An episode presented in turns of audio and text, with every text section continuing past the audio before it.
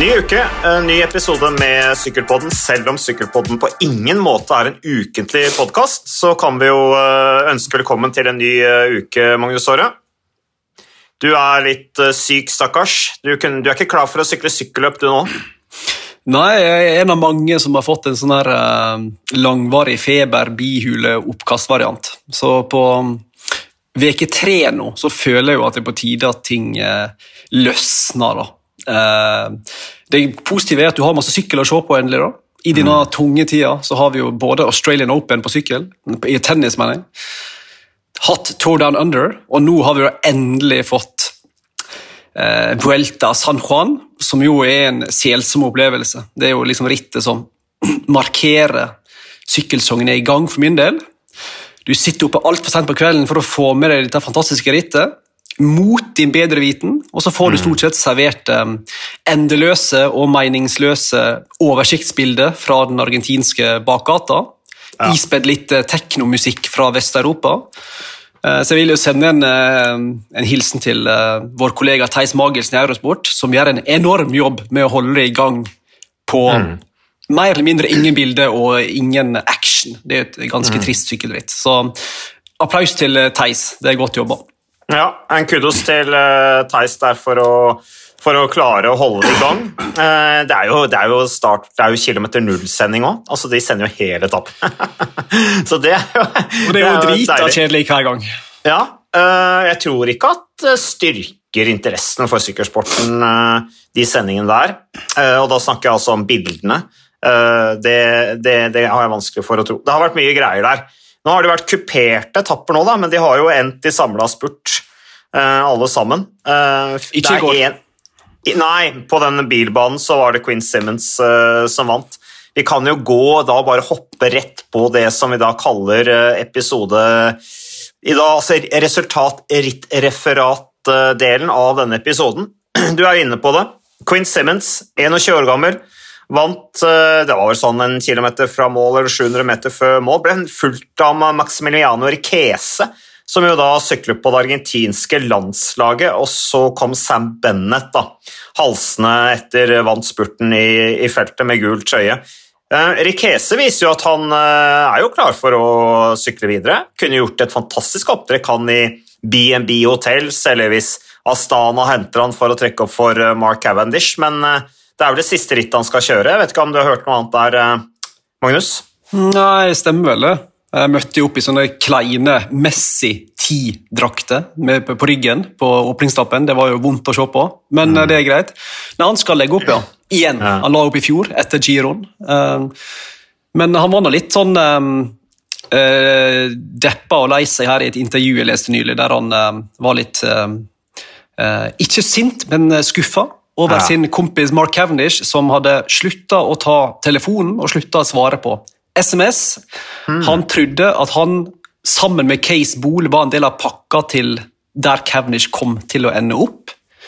Men det ble bare plass til Case Bool og Mark Cavendish, og da valgte Cavendish bare altså Istedenfor å forklare, så eh, skal han angivelig bare ha slutta å, å, svare, eller blokke han. Mm. Så det var han litt lei seg for. Men um, mm.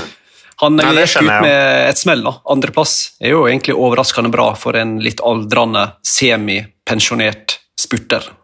Ja, for det var en sterk andreplass òg. Han, uh, han, tok jo ikke hjulet til Quinn Simmons der, men han holdt jo liksom unna uh, for, for, feltet. Så det var imponerende, det av gamle Rikesa. Så det er uh, det skal han ha. Men uh, tilbake til Quinn Simmons, da, som bare er 21 år gammel. Vi snakker litt om Quinn Simmons som han er en veteran. Han ble jo proff allerede i 2020, kom rett fra junioralderen etter å ha blitt juniorverdensmester i Yorkshire i 2019. Uh, eh, han tok jo bare sin tredje seier som uh, profesjonell. og han sa jo, Jeg leste intervjuet med også Quinn Simmons nylig, hvor han da sa at nå er det på tide å begynne å vinne. sa han. Jeg har vært på podiet, jeg har vært i brudd, jeg har vunnet trøyer og slikt, men nå er det på tide å vinne. Jeg er lei av å være lovende, sa han. Eh, jeg vil være den som får ting gjort. Og i 2023 så reiser jeg ikke til Tour de France for å være seks dager i brudd for å bli topp ti. Jeg vil i stedet være mer selektiv og være to dager i brudd for å ha krefter til å vinne. Så Sånn sett så har jo eh, Quinn Simmons da, kommet godt i gang i det nye året, så det, det, det unner vi han. Det er gøy. Noe mer fra San Juan som du har lagt merke til? Mange sier at du har sittet der og studert det med argusøyne. Nei, Vi får vel eh, notere oss at både Fabio Jacobsen og Sam Bennett har kommet eh, godt i gang med hver sin seier. Eh, vi spiller jo her etter etappe tre, da. Så mm. da er de to spurterne i gang. Remco Evenepool har bidratt sterkt i opptrekket et par ganger. Selv om det ble litt, litt finta der på dag én av helt sjanseløs eh, vaktjobb. Altså, Rytterne ble jo mm. delt av en slags sånn trafikkøy, og så holdt de på å kjøre på noen folk, og så var det bare rør. Ja, Så har du de eh, pinnene, de stokkene ja. som står opp av veien, som plutselig dukker opp òg. Det er jo ganske sånn heftig. Ja, det er jo fin utfordring å få i en finale. Litt sånn slalåmkjøring. Så, ja. da, så hadde de begge to spurterne iallfall i gang, og så um, det blir jo spennende å se hva Miguel Ángel Lopez, Oscar Sevilla og resten av The Bad Boys i Team Medellin klarer å få til når vi skal opp i fjella. Omsider i det som har blitt et veldig sånn spurtervennlig sykkelritt. Ja, men De gutta der er bankers, de kommer til å være der oppe, men jeg er mer spent på en rytter som Egan Bernal, f.eks. Som, som jo har skifta utseende. Jeg har han skifta utseende? Ja, Han har operert nesa, og han er jo nesten ikke til å kjenne igjen på en del av disse bildene. Så jeg er litt spent på å se han på en måte up close and personal eh, på den Alto Colorado-etappen. Han ser jo mm. mildt sagt annerledes ut. Og det er eh, resultat av eh, denne faceplanten han hadde i den bussen Eh, for ett år siden på trening i Colombia, eller? At det er rett og slett Nei, ansiktskirurgi, eller? Dette tror jeg var et uh, inngrep for et eller annet med bihule og noen luftgreier. Men hans, det har vært litt sånn oppstyr i sosiale medier da, om han har drevet og narra folk, eller om det faktisk er han en ser på alle disse bildene fra Colombia. For han ser jo merkbart uh, annerledes ut. Så det, det er ganske konspiratorisk, da. Ja, altså, det kanskje det ikke er Egan Bernal vi ser? Kanskje det er, bare... det Brandon Rivera. Not ja. Tenk deg det, da. Huh. Nei, det er litt spennende. Nei, det, det blir spennende å følge. Der må, litt, der må, du være litt kritisk, Magnus, når du treffer eh, Egan Bernal eh, under Tour de France i år, og han forhåpentligvis for hans del står der med gul trøye og greier, og så sier du vi, Hvordan kan vi, kan vi, være helt sikre på at det er deg, Egan? Har vi trua på uh... Komme bevisene mot han hvis han viser bilder. Den jobben outsourcer til kollega Sindre Olsen. Hørtes for kleint ut. Ja, jeg tror det blir heftig. Eh, blir ja. heftig. Ellers så har jo Egan Bernal faktisk uttalt at uh, ulykken, og det høres rart ut, sier han, det er uh, det beste som har skjedd meg. Det brakte meg nærmere familien, til Gud, og de tingene som virkelig betyr noe her i livet. Så han har jo fått litt perspektiv, da. En gang Bernal så blir det spennende å se om han får fart på pedalen også. Det blir jo en stor test, denne her fjelletappen, for jeg regner med at det betyr en del for for Egan Bernal å, eh, å vise at han faktisk er tilbake på et eh, ganske bra nivå der. Alle ulykker som drar folk nærmere Gud, er jeg jo litt sånn skeptisk til. Mm. Det er jo ganske mange fra ja, spesielt Sør-Amerika og USA for så vidt, som ofte tar de ordene i sin munn. da. Ja. At ulykken er det beste som har skjedd, og jeg kom nærmere trua mi og, og Gud. Men um, mm folk kan få tro på det de vil. Men um, jeg er jo, må jo si jeg er litt sånn småbekymra for Egan Bernal sin, sin sportslige utvikling. Men um, det har vi snakka om før. Ja. Veldig spent på hva han viser nå utover våren, for han var jo ikke i nærheten av noe i det rittet han sykla på slutten av for, forrige sesong. da. Nei, men nå har han fått en god vinter uh, i tillegg, da, så det, det, kan jo være. Men jeg, jeg vil jo tro at uh, når han sier det han sier, så kan det jo være at han kan jo det være et signal om at han er optimist, da, og at han føler at det går riktig vei, og at han har gode tall på wattmåleren osv. Um, men det får vi se. Det får vi se. Uh, det blir interessant å se om han er i rute, om han er i form, og, han, og om han dermed det er realistisk faktisk at han kommer tilbake til, til eh, årets Tour de France, for det gjør noe med dynamikken også i Ineos-laget i forhold til hva vi har snakket om, at de egentlig kanskje er sjanseløse i, i sammendraget. Så det får vi se. Ellers uh, ukas, uh, eller månedens norske herresyklist, uh, Magnus. hvem er det?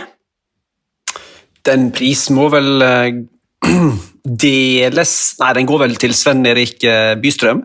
Ja som tok en sterk sjuendeplass i et ganske sånn uh, kompetitivt felt i Tour Down Under. Det var ganske gode ryttere han drev og klatra med der på et par etapper. Så det var, det var vel også no, var ikke det norsk bestnotering noen gang òg? Men jeg leste en plass. At han hvis ikke det var tangering. Ja, tangering. Ja. Mm. ja. av Edvard Baasen Hagen i 2012, var det vel? Noe sånt. Så jeg føler han uh, starter ofte sesongene veldig fint, Bystrøm.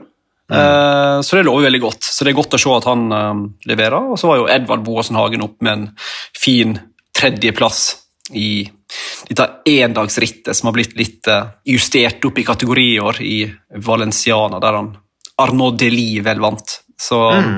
det var godt å se at Edvard er på gang. Han har jo en tendens til ofte å være ganske god form når sesongen begynner. Så får vi håpe at det holder helt til de virkelig store rittene utover i mars og april. Ja, og så syns jeg det, liksom, det, viser at verden er, er litt normal, da. Etter pandemi, og selv om det er krig og inflasjon og alt dette her. Verden er ganske normal når José Jaquin Rojas, Movistar-rytteren fra Spania, blir med fire. Da er liksom er det på det, på det vante, liksom. Og det er vi litt glad for. At det ikke er for mye endringer i, i feltet. Helt, eh, helt, riktig. Det er viktig med en fjerdeplass av uh, Rojas. Da kjenner vi at vi lever, alle sammen. Mm. Så de skårer litt poeng, Movistar, nå i, i, i spurtene med, med, Gaviria i San Juan og, og, Rojas som tar litt poeng her og der. Viktig, det. Det er jo allerede nå, som jeg, vi snakket om forrige gang, Magnus, det er viktig å ta hvert ritt på alvor for å ikke havne i en skvis når neste World Tour-lisensutdeling skal skje om tre år. Så vi er i gang med jakten på, på en plass på det øverste nivå. Um, ellers er det jo mye som uh, Ja, vi kan jo ta litt for så vidt uh, også andre ritt som vært. Vi har jo La Tropicala Amiso, Amissa Bongo, hvor de to første etappene er blitt vunnet av franskmennene Joffra Soup og Jason Tesson. Soup er jo, Soup er jo opptrekker. Han med skjegget, en, en, veteran nå. Begge disse to gutta er jo Total Engines-ryttere. Tesson er uh, ferskproff, så det er hans uh, første ritt for året med Total Energies også. Han har uh, syklet stasjer i Rally Cycling, faktisk, i 2020.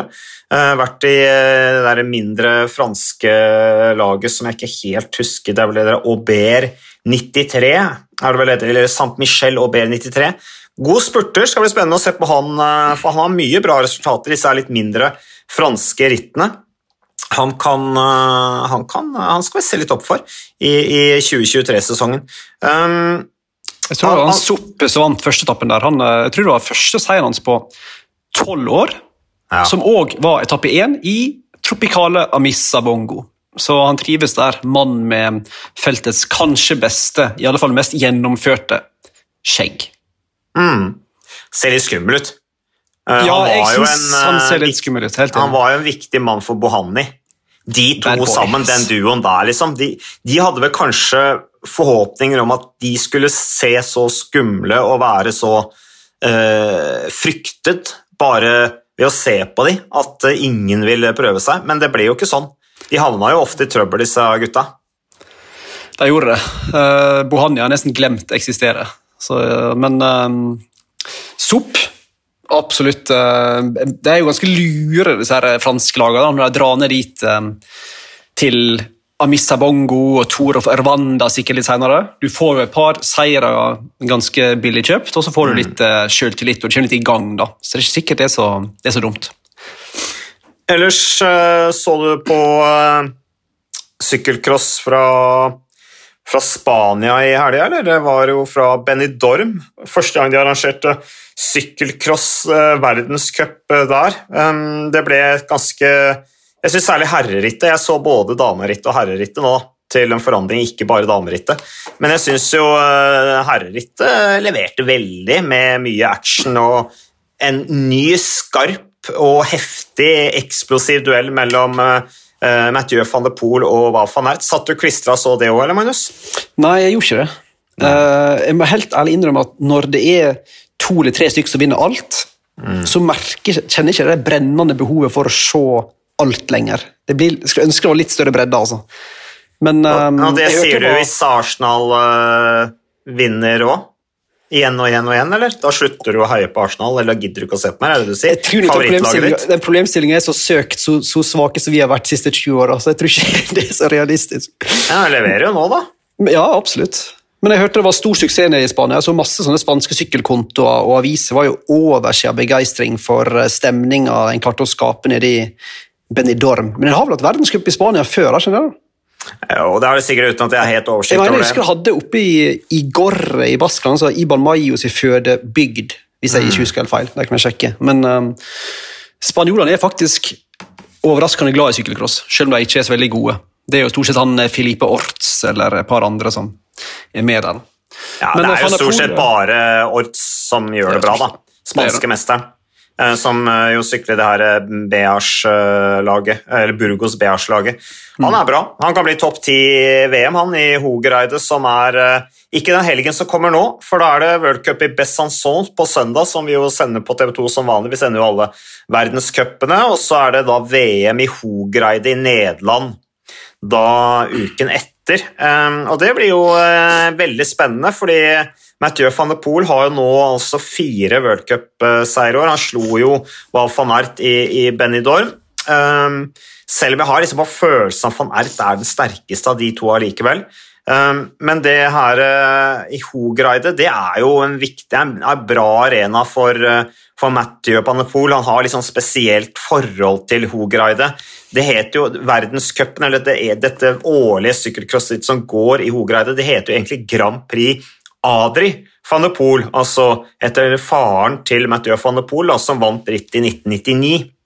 Og Det har blitt arrangert siden 1988, eh, og jeg vil jo tro at de lager den løypa i Hogereide litt for at det skal passe for eh, Mathieu van de Poel. Så det skal bli interessant å se.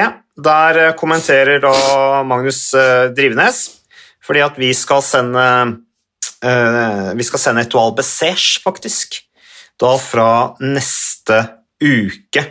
Eh, Så det blir spennende, Magnus. Eh, Har du hørt noen nyheter fra Uno X-rytteren som skal i ilden i Grand Prix Marseillais og Etoile Bessèche? Denne, som jeg sa, klassiske franske sykkelåpningen. Ja, jeg forsto bare at det var en liten endring, eh, om jeg forsto det rett, på, på laget der, med uh, Tobias Halland Johannessen som avventer litt sesongstarten sin. Uh, liten sånn eh, føre var med, med et kne, og så eh, var det vel eh, Fredrik Dværsnes inn, hvis jeg fikk eh, riktig informasjon. Så mm, Ja, han sliter er med kneet sitt, ja. Uh, Tobias Allan Johansen. Ja, det har visst ingen sammenheng med den operasjonen som begge to gjennomførte i, i høst. da. Så det var visst bare for å være 100% sikker, så bare drøy en sesongstarten bitte litt. Så Ja. vi får håpe det Ja. er under, eh, under kontroll. Sikkert lurt, sikkert lurt. Nei, det er jo uh, synd. Det er noe, absolutt en attraksjon mindre. Halland Johansen, som jo vant en etappe i Etoile Bessèche i, eh, i fjor, uh, ble han ikke tre sammenlagt også? Han kjørte vel sitt første temporitt noensinne der. Det er jo en avsluttende 11 km tempo i det rittet som, som har et uh, sterkt startfelt. Altså starter altså 1. februar, avsluttes uh, 5. Og eh, I startfeltet så har du Mats Pedersen, for eksempel, dansken i trekksega Fredo, Du har Benoit Cosne fra Arnaud Delis, som jo nylig vant dette Valenciana, hvor eh, Edvald, ble nummer, eh, Edvald Baasen ble nummer tre. Du har Dylan Tøynes, Thibaut Pinot, Greg van Amat, Nelson Paules, Pavel Sivakov, blant andre. Apropos Thibaut Pinot, Magnus, han gikk jo ut denne uka her og sa at han kommer til å henge opp sykkelen etter, etter denne sesongen. Skal legge opp. Det er jo en attraksjon mindre, det, i feltet. Definitivt. Men alt har jo en ende. Sånn er det jo. Ja, og jeg tenker jo eh, Jeg tror mange kommer til å savne Thibaut Pinot, da. Uh, nylig rytter. Litt sånn der eh, throwback til good old days. Masse følelser og lite kontroll på noe som helst. À la pedal. på, godt, ja, på godt og vondt. Eh, så tenker jeg at det er ganske lite Jeg merker at det er mange i, i sykkel, eh, i, i sosiale medier og andre kanaler som blir veldig sånn tårevåte. Eh, og når vi ser nå at Nairo, Nairo Quintana skal legge opp i, i dag, faktisk. Vi spiller inn på en onsdag, da. Visstnok skal han legge opp i dag. tenker at jeg, jeg blir ikke så trist. Jeg tenker at Hvis Thibaut Pinot, som har oppnådd så mye, føler at han har det bedre med å drive noe annet, selv om han er litt ung, jeg tenker Helt topp at du tar den beslutninga. Samme Quintana, begge to er vel 90-modeller, om jeg ikke husker feil. Ganske tidlig opp, men um, at Thibaut Pinot gir seg, tenker jeg, er- jeg tenker jeg er fint. Han har åpenbart vært litt delt i, sitt, i sin motivasjon og, og mentalt på hva som er riktig å gjøre med livet sitt. Så hvis han har endt opp at det er best å gjøre noe annet, så uh, jubler jeg for det. altså. Ja, men vi kan gratulere Thibaut Pinot med en uh, flott karriere. Kom på pallen i Tour de France, og det ble vel kanskje litt sånn uh, Kanskje, hva skal jeg si, at det ble litt sånn en, en uh, slags Hans bane? ja, hans bane. At det ble en litt sånn, hva er det man sier, en forbannelse, på en måte. At det, det presset han da fikk fra det franske publikum, det ødela nok litt sånn gleden hans til å, å sykle, og at han, han, han, liker nok ikke å ha et sånt press på seg. Han er jo veldig sånn uh, solo i måten å opptre på, selv om han er helt sikkert en, en bra lagspiller også, men han har jo noen uttalelser i media som opplagt ikke er kommunisert, uh, hvor, hvor, det er helt opplagt at han ikke har kommunisert med, med, med laget om det han sier, f.eks. at han har jo sagt nå at han har planer om å kjøre Eh, Tour de France, eh, i et intervju jeg leste, i hvert fall, eh, etter giroen, men det er jo ikke Marc Madiot informert om, f.eks. Og så har han jo også da sagt, og det er for så vidt ikke noe kontroversielt og helt sikkert ikke noe som går imot mot lagets vilje, men at hvis han vinner franske, det franske mesterskapet og da kan ha på seg trikoloren, så vurderer han å, å sykle en sesong til, da, for det er en såpass stor, stor ære. Så, men en åpen fyr har jo også uttalt seg ganske uh, ja, Disse siste uttalelsene jeg så nå i intervjuet han hadde vel i Lekip i forbindelse med han skulle legge opp, så sa han jo at jeg har egentlig Det som blir verst med å slutte å sykle, er at jeg har mange venner i støtteapparatet. Men det er ikke så veldig mange av rytterne jeg har så mye til felles med. sa han. Eh, så det er jo hyggelig å liksom møte Thibaut nå eh, ved frokostbordet når du er lagkamerat. og liksom, ja, ja, ok. Han er ikke du kan jo tolke det som at han egentlig ikke liker eh, så veldig mange av kollegaene sine i sykkelfeltet, hvis jeg tolker det riktig. Jeg tenker Det som er litt sånn trist oppi det hele, er jo at du hadde en helt enorm generasjon med talent på gang i Frankrike, som endelig skulle bryte liksom, den der forbannelsen med aldri vinne Tour de France. Du hadde altså Romain Bardet, Thibaut Pinot, Varren Barguil og riktignok Roland et par år eldre, da. Men, men, mm. likevel, det var liksom her hadde du endelig en gjeng som alle tror jeg var enige om hadde talentet som skulle til for å ikke bare vinne en Grand Tour, men faktisk vinne Tour de France. Ingen har vunnet nok, noen Grand Tours.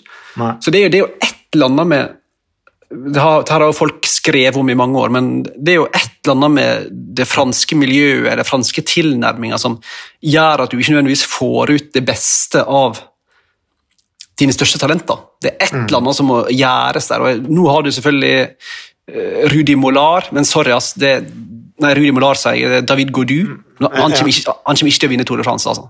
Nei, Han ble fire i fjor, da. Ja, men, han ble fire, men jeg, jeg, tror tredjeplass er toppen av hans uh, kall det uh, realistiske mål.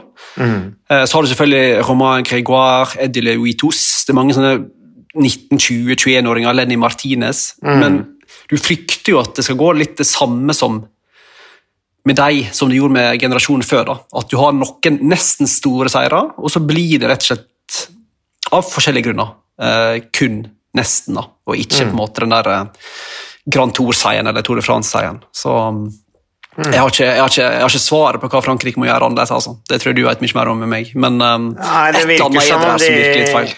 Ja, Det virker som om de om, om, om rett og slett at det, det, handler veldig mye om det mentale. altså at de, de ikke takler presset, at, de, at de, de, blir litt, de, blir litt, satt ut, rett og slett, eh, når de, når får det presset på seg. Og, og så har jo også syk, eh, fransk sykkelsport hengt veldig etter når det gjelder uh, Først så hadde de en lang epoke hvor de jo pekte på at doping var årsaken til at de ikke lykkes.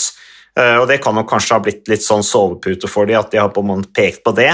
Og så har de eh, sagt at eh, sagt, har de vist liten vilje til å endre uh, måten å, å, å, gjøre ting på i treningsarbeid, kosthold, uh, rittplanlegging, periodisering og alt dette her. Altså pekt på, på, doping som problemet og så sagt at vi gjør det vi alltid har gjort, vi bare slutter å dope oss. Eh, og det har ikke vært noe bra. Og så, har det sakte, men sikkert uh, blitt en, en, endring på det som går på, på prestasjonskultur i, i, Frankrike også, syns jeg, bl.a. Med, med utviklingslagene de har, blant særlig Francé de Jeu, og, og, og, de har noen bra, bra sånne eh, utviklingstrapper eller miljøer der. Da. Eh, særlig fra Stedersjø har jo rekruttert enormt mange fra, fra kontinentallaget sitt. Men så er det dette å ta det siste steg som du er inne på, Magnus, det der med å, å lykkes i sammendraget. At de skal være så innmari frigjorte, de skal være så bohemer. Når de får kniven på strupen, så plutselig eh, Da er ikke det så viktig lenger. Da liker de ikke det. De skal sykle som sånne frie fugler og, og kjøre i brudd og alt dette der. Og spørsmålet er jo om om den, den, generasjonen som nå vi har sett de siste par årene, som vi har snakket mye om på Sykkelpodden også, Magnus, det her med eh, fjorårets Tour de France med Vingegård og Pogasjar, og, og, den kjøringen som ble gjort der nå som det er åtte ryttere istedenfor ni ryttere på, på lagene, at det blir vanskelig å kontrollere. Det kan jo være at det er en type sykling som passer franske ryttere bedre, eh, og at noen kan gli under radaren. Uh, og, og, og, dermed kanskje komme i et brudd og, og, lykkes på den måten, fordi at de kanskje slipper å måtte ha de der duellene, uh, rytter mot rytter mot Vingegård og, og, og Pogasjar. Um, det skal bli spennende å se om de kan, om kan, om de kan utnytte den, den muligheten da, som, at det er litt mer åpent, uh, åpen måte å sykle på. Litt mer sånn amatørritt, ser proffrittene ut som nå uh, enn en det de har gjort f.eks. under generasjonen hvor Team Sky uh, dominerte så veldig.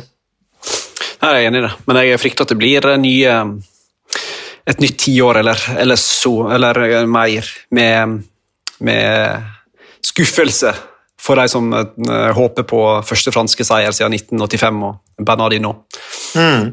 Nei, de mangler jo evne til å sykle bra tempo, uh, og nå kan du jo si at uh, årets Tour de France med så lite tempo, og i tillegg så er det en kupert tempo, det er jo da en fordel for en rytter som Godou, men jeg deler helt ditt syn på at jeg tviler på at Godou vinner. Han, han hadde en, det, det, var sterkt av han å bli med fire i, i fjorårets Tour de France, men du, vi, vi, kan vel knapt huske at vi så han han slepte seg jo litt gjennom, og, og han, han, kjørte veldig taktisk smart og, og, og, veldig spesiell måte å sykle på. for han, han, han, kjørte veldig kontrollert. Han slapp jo tidlig, og det gjorde han jo helt opplagt fordi at han satt og så på wattmåleren sin og visste hvor mye han, og hvordan han måtte bruke kreftene sine underveis. Og så hadde han jo Madoa også, som gjorde en fantastisk jobb for ham. Så, så det, det blir interessant å se om han kan på en måte løfte seg. da, Gå du eh, etter, etter den fjerdeplassen.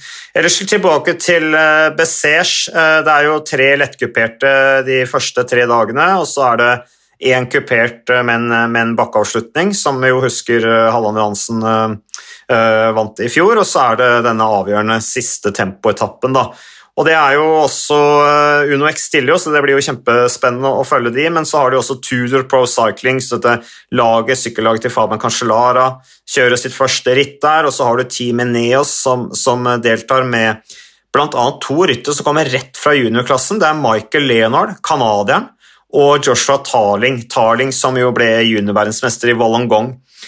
Det blir også interessant å se hvordan eh, de gjør det. Eh, dette er litt nye Ineos um, med opplagt hvor det er en strategi på å satse på veldig unge ryttere. Med håp kanskje om å finne en sånn ny eh, Remco Evenepool.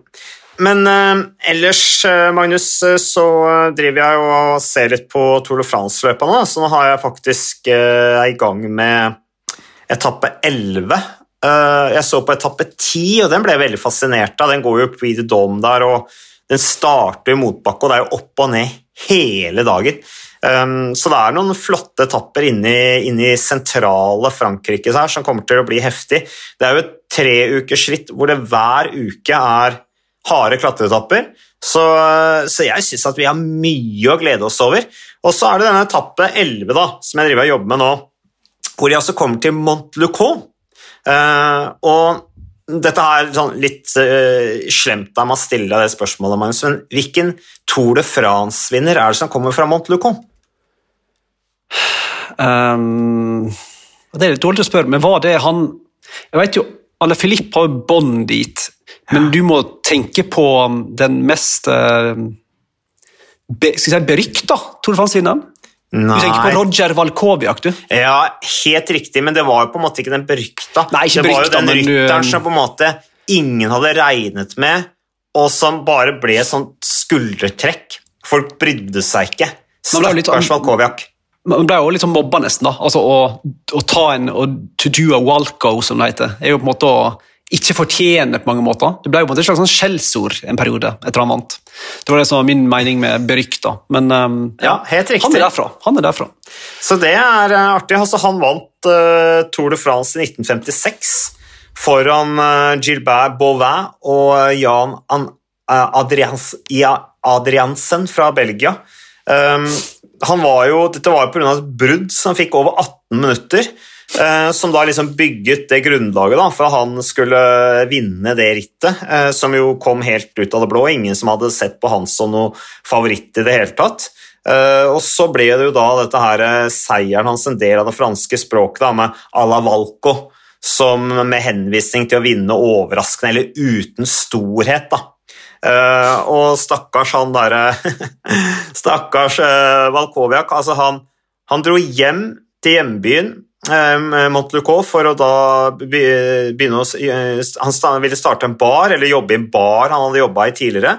Men så ble han altså så mye konfrontert med dette à la Valco, dette her at han uh, egentlig ikke var noen stor vinner at han ikke orka det mer. Han følte seg litt mobba, tror jeg. Og så begynte han, å, begynte han i stedet å jobbe i, en produksjonsbedrift da, for bildeler, som han hadde jobbet i før han ble, ble proff. Så det var jo litt sånn trist Tour de France-historie, da.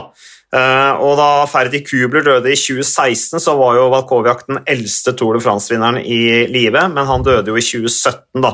Så nå er det jo Federico Bamontes som er den eldste Tour de France-vinneren i, i live. Uh, uh, Bamontes som for øvrig ble fire sammenlagt i det rittet hvor, hvor Valkoviak vant da i 1956. Da fikk vi tatt litt uh, sykkelhistorie. Og Magnus, viktig ba, ba, det, altså. Bamontes vant i 95. Nei, 95, sier jeg. 90, I 59. Det er to mm. forskjellige ting. Første spanske. Han, han, har sånn urkraft, og han tror jeg kommer til å leve lenger enn oss. Ja.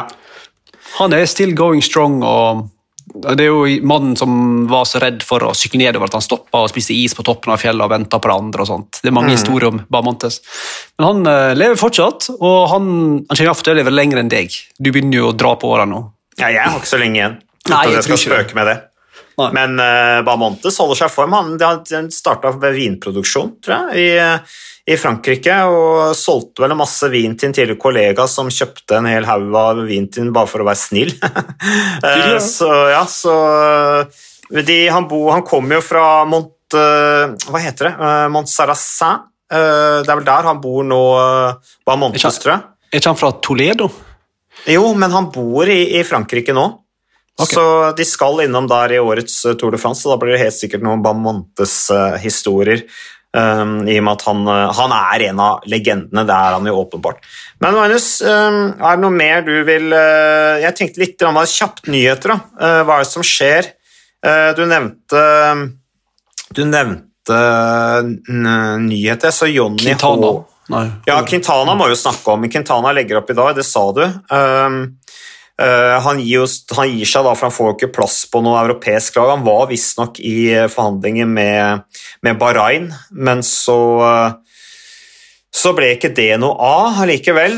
Um, og det er jo uh, litt sånn trist sorti det for uh, Quintana. Han, en, han, ble jo en fantastisk god rytter, vant både Giroen og Spania rundt. og er den eneste rytteren sammen med Laurent Jalabert som har vunnet etappe i alle store etapperittene, inkludert disse mindre etapperittene som Sveits rundt, Catalonia rundt, Romandie, Criterium Dauphiné, Baskeland og Tireno, så han har hatt en helt utrolig karriere, Nairo Quintana. Um, noe du vil si om det, eller? Nei, det var vel gøy, den her eh, Du nevnte jo Bahrain.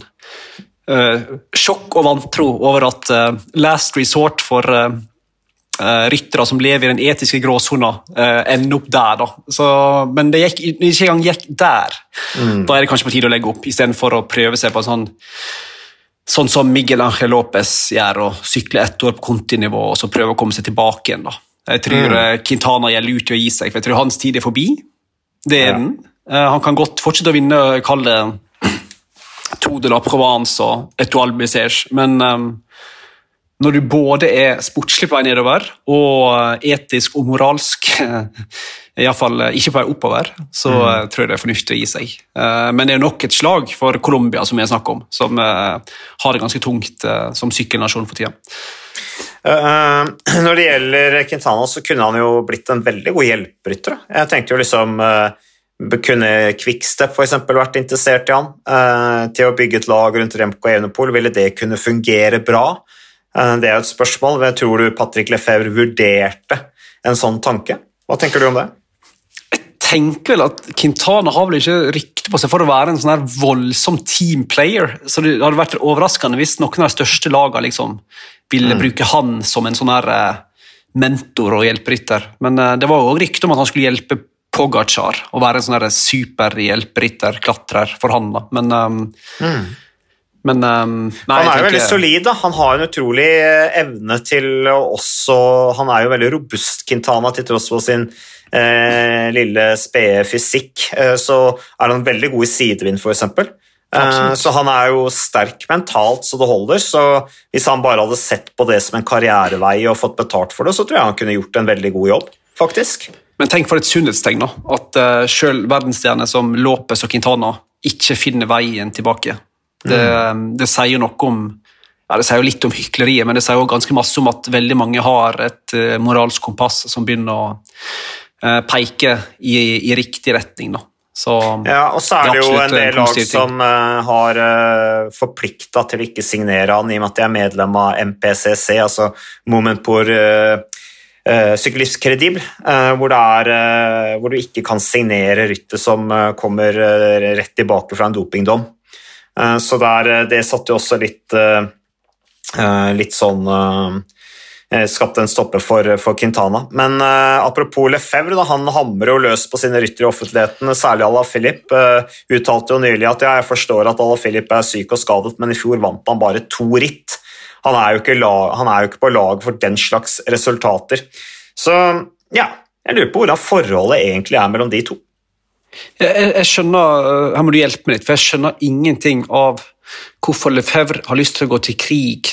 Og det føler jeg han gjør mm. med sin største profil, som i tillegg er veldig folkekjær og populær, og er fransk, at du har lyst til å starte en krig før sognet er i gang. Altså, hvis ikke Ala Philippe, som hadde stygg ulykke i Liège-Baton-Liège i fjor mm. Når jeg endelig kom tilbake, så var det covid, og når jeg endelig kom tilbake der, så var det krasj i Vueltaen. Altså, hvis ikke det, pluss et barn, var ikke det inne, inne i miksen her altså, Hvis ikke dette er nok unnskyldninger til å ikke prestere helt på topp, Mm. Så skjønner jeg ingenting. Så det eneste, I, i mitt hode må det være at Lefebvre øh, føler at øh, eh, altfor masse penger går tapt mm. i alle Filip, og at han ser at motivasjonen hans ikke er der den skal være, og derfor prøver å presse han ut. Det er min, min sånn funker mitt hode, iallfall, at det er logikken. Jeg vet ikke hva du tenker. Nei, jeg syns det er uh, veldig ufint av Lefebvre. Altså, det er som du sier, uh, når, når det idrett, uh, sykkelsport, der er det du, du er på en uh, knivsegg. Uh, når det skjer den type velt, så klart du blir satt tilbake. Uh, og Det er noe, en risiko man tar da, når man betaler ryttere godt, og det er jo en god grunn til å betale à la Philip godt med alle de resultatene og merittene han har, og så populær han har, så har han jo stor markedsverdi uansett om han ikke vinner òg. Så må man ta med betraktningen her, hvis det er kommunikasjonen ut i à la Philip, at jeg teller antall seire, det er jo Én ting er jo kvantiteten, men en annen ting er jo kvaliteten på det han gjør også. Uh, og, og, og, dette her i forhold til oss, uh, type, uh, hvordan han samarbeider med andre ryttere, hjelper andre ryttere, f.eks. Remco Evenepool er en del av laget, bidrar til laget osv. Han, han har jo noen verdier også utover bare at han vinner sju-åtte ritt mer. og Så får vi jo se da til til, eh, til sommeren nå med, med, Tour de France, om Ala Filip får en bra vårsesong og holder seg på hjula og unngår å bli syk, og alt dette her, så om han er i form til Tour de France, så kan vi jo få Ala Filip-show igjen.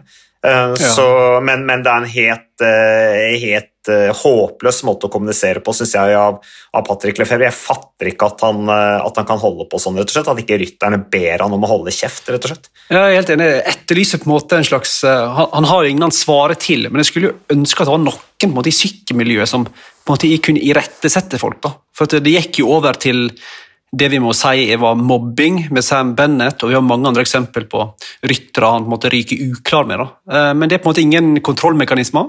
Og så lenge du er sjef, så gjør du som du vil. Eh, det er kanskje litt den mentaliteten som gjør at dette går som det går. Mm. Men eh, nei, min eneste logisk for å legge godviljen til, så må det være at, at Lefebvre ser at det er noe i Ala Filip som begynner å bli blasert og umotivert. Jeg ser det ikke. Og inntrykk, mitt inntrykk er at han er veldig populær innad i laget. Mm. Eh, så jeg skjønner ingenting av det. Men det blir veldig spennende å følge en, den umotiverte krigen mellom lagsjefen og verdensstjerna Lefebvre og Philippe.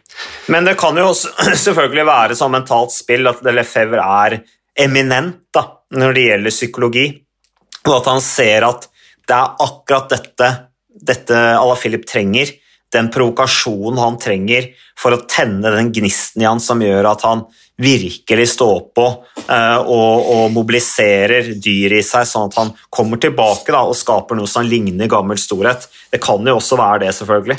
Uh, at, at Lefebvre kjenner rytterne sine så godt at han klarer å spille på den type på knapper. Men uh, nei, det blir spennende å følge videre. Det gjør det. Så, du, nevnte, du nevnte så vidt at Jonny Haageland skulle gjøre et slags comeback her. Ja, stemmer det. Så han skal gjøre comeback i dette her uh, Sharjah-tour. Mm. Altså, Sykkelsporten blomstrer i Midtøsten. Det er vel et uh, ritt i Abu Dhabi eller UAE eller hvor det er. Men uh, vi husker jo Haagland fra Tour de France i 2011, den der voldsomme styrten eller veltet, hvor han ble kjørt ned sammen med Jean Antonio Flesha av denne uh, VIP-bilen i Tour de France. Det var på vei til Saint Flour i Pout de Dom-departementet. Eh, det var jo for øvrig den etappen hvor også Thor Hushovd mistet trøya etter å ha hatt henne i en uke. og eh, Hogeland ble lappet sammen og kom gråtende opp på podiet for å ta på seg klatretrøya.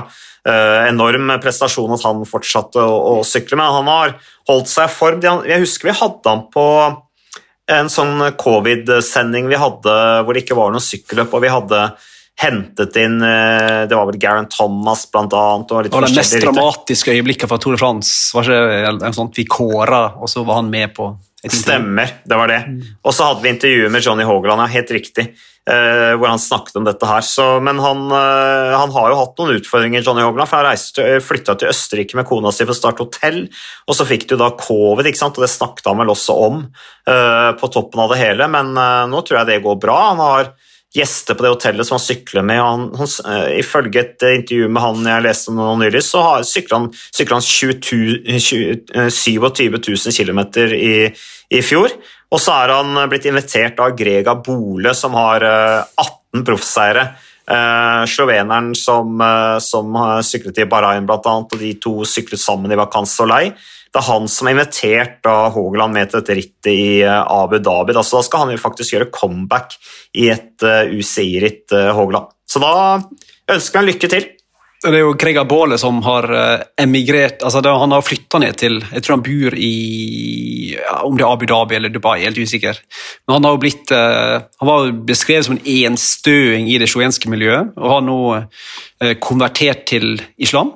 Mm. Han har blitt muslim og bosatt seg der, og vil da hente fram eh, de gode, gamle stjernene til et ritt i sitt eget heim, nye heimland. Så mm. det er to spesielle karakterer som skal på sykkeltur i ja, ett av disse emiratene. Det går bare surr, eh, men der nede, får vi si da. Abu Dhabi. Det, vi gleder oss til å følge det rittet. Altså, det vil jo si at det rittet med en gang fikk en helt annen schwung uh, når du fortalte det du gjorde. Uh, så Hogeland og Grega Bole der Um, det skal bli spennende å se om uh, kanskje Hogeland også uh, konverterer når han er der nede. Kanskje han blir overbevist av sin venn Grega Abole. Ja, det kan jo skje. Det er mange som har sett lyset, uh, Magnus. Det er en sånn ting som skjer ganske plutselig, det. Så det, det er ikke noe som en gang kommer snikende, det bare plutselig er der. Uten at jeg har opplevd det, altså. Så det er helt sikkert eh, noen av eh, lytterne våre som har eh, sett lyset også, men de ser ikke lyset om de fortsetter å høre på oss nå, så vi velger å gi oss der. Og så ser vi om vi er tilbake med muligens en ny sykkelpod neste uke, eller uka etter, med sammendrag av alt det morsomme vi har vært igjennom som kommer til uka. Takk for oss!